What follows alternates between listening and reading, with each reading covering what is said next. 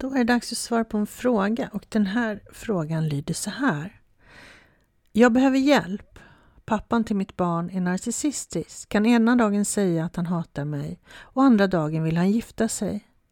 Vi bor inte tillsammans idag av olika anledningar som har med både honom och mig att göra. Jag kan inte bestämma mig om jag vill vara med honom eller inte. Han ger mig mycket, men även mycket problem. När han är bra är han väldigt bra. Så.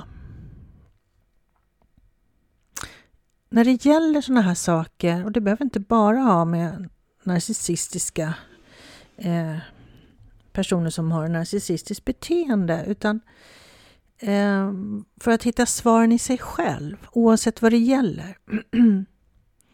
Då handlar det ju om att stärka kontakten med dig själv, med ditt jag, med det som är du med dina behov. Och eh, meditation är ju någonting som är väldigt bra i det här att göra för att stärka kontakten med sig själv. Eh, och sen också om det nu är så att det här är en person som har narcissistiskt beteende så skapar den förvirring det gör de alltid med oss, för de, det de säger är en sak och det de gör är en annan. Och som medberoende så kan man ha en tendens att lyssna till vad som sägs och förneka det som görs mot en själv. Om det är fallet så skulle jag vilja uppmuntra dig att skriva ner vad han säger och sen vad han gör. För det är oftast inte samma sak när det gäller narcissister.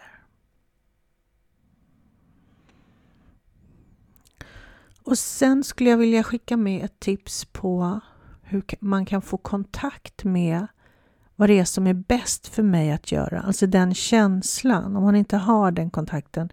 Man har svårt att fatta beslut, man har svårt att lita på det man känner. Eller kanske svårt att få kontakt med det. Då kan man Gärna sitta ostört då.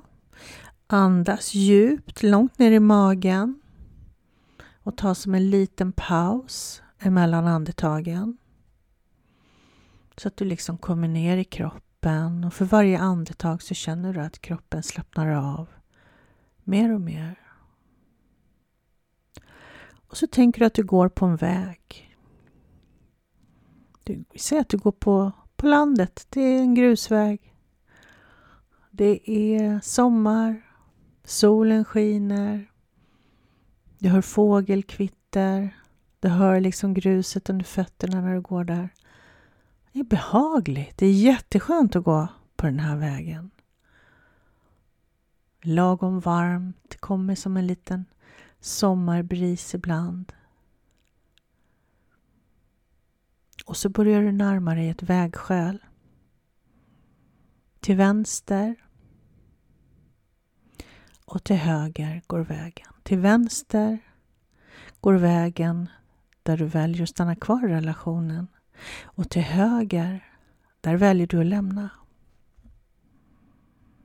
Nu har du kommit fram till det här vägskälet och du svänger till vänster. Här har du beslutat dig för att stanna och vara med honom. Känn in hur det känns att gå här. Är det tungt? Är det lätt? Är det uppförsbacke? Är det nedförsbacke? Är det ljust? Är det mörkt? Bara lita på känslan, det första som kommer. Hur det är att gå där. Och nu är du tillbaka vid vägskälet igen. Den här gången svänger du till höger där du väljer att lämna honom. Så går du på den här vägen. Hur känns den? Känns det tungt? Är det lätt? Uppförsbacke? Nedförsbacke? Är det ljust? Är det mörkt? Hur känns det? Lita på känslan. Det är ditt hjärta och din själ som visar dig vad som är bäst för dig att göra. Och det här, det här, eh, den här metoden, det här verktyget kan du använda till alla olika beslut som du känner att du har svårt att få kontakt med vad som är bäst för dig att göra. Jag tycker att du behöver gå in i känslan i din relation. Eh, mm. Hur känns det? Hur mår du? Hur vill du må? Hur vill du ha ditt liv? Alltså åter tillbaka till dig. Där har du svaren. Ingen annan kan tala om för dig, ingen annan vet det. Det är du själv.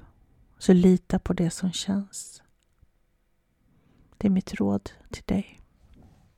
Jag hoppas att du är hjälpt av det här svaret.